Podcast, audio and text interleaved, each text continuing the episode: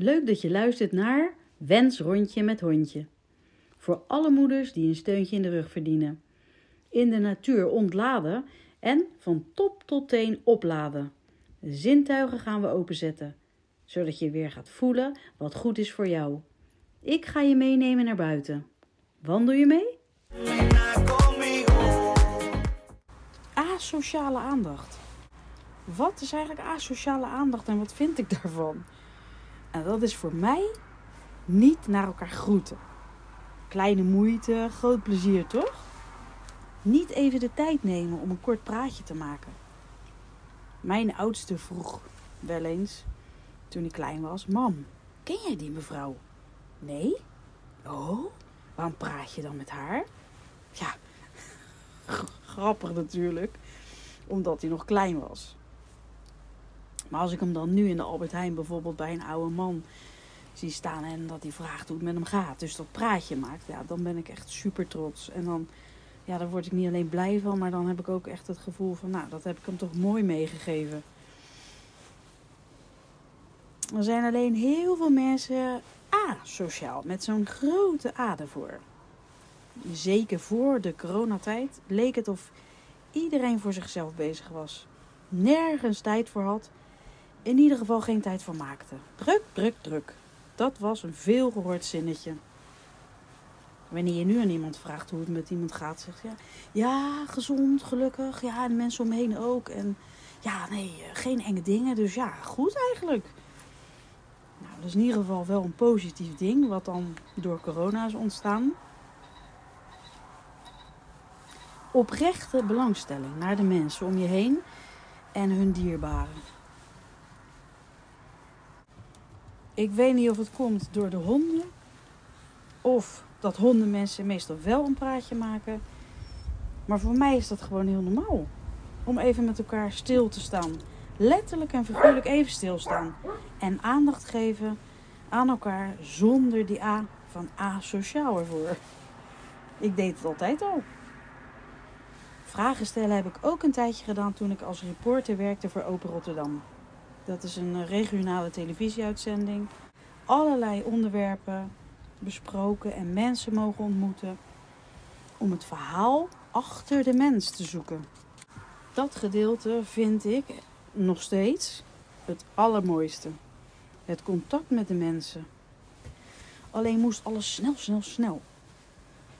De snelle wereld van journalisten en het nieuws op de voet volgen, ja, dat ligt me sowieso niet zo.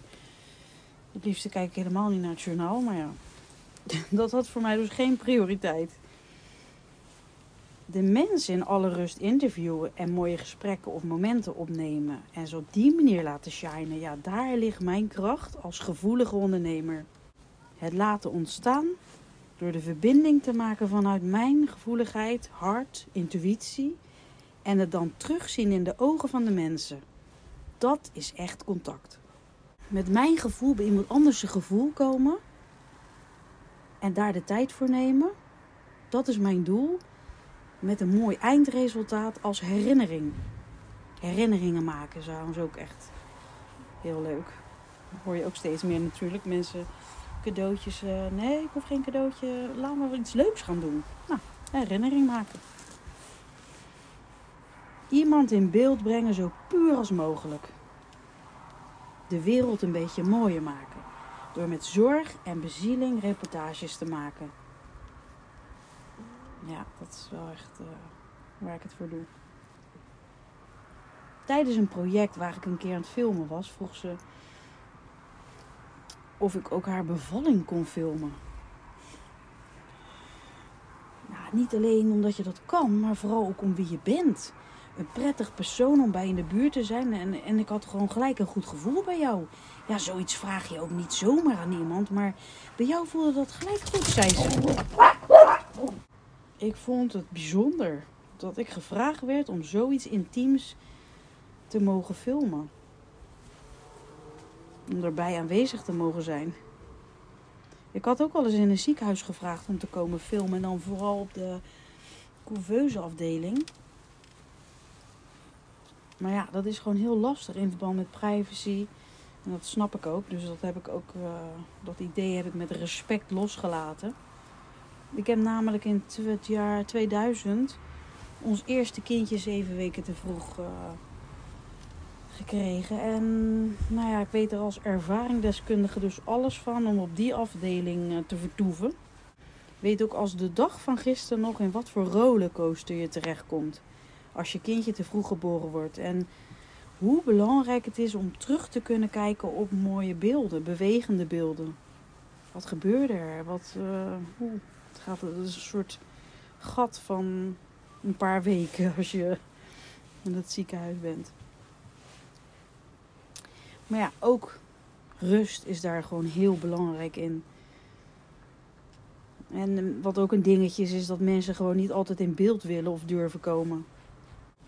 Daarom is podcasten iets dat heel dicht bij mij staat. En mensen toch op afstand kunnen blijven zonder het contact te verliezen.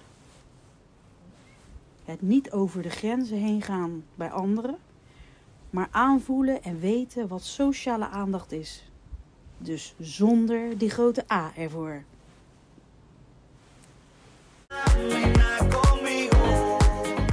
Allereerst super bedankt dat je naar deze podcast luisterde. Ik hoop je wakker te schudden om altijd te blijven vertrouwen op je eigen intuïtie. Juist in deze snelle wereld is het zo belangrijk om te blijven voelen. En wil je mij blijven volgen? Abonneer je dan op mijn podcast. Wens rondje met hondje. Gewoon even klikken op abonneren. Via Instagram, vertrouw op je intuïtie, kan je mij ook contacten. Een screenshot maken van de podcast, dat is ook heel leuk. Dank je.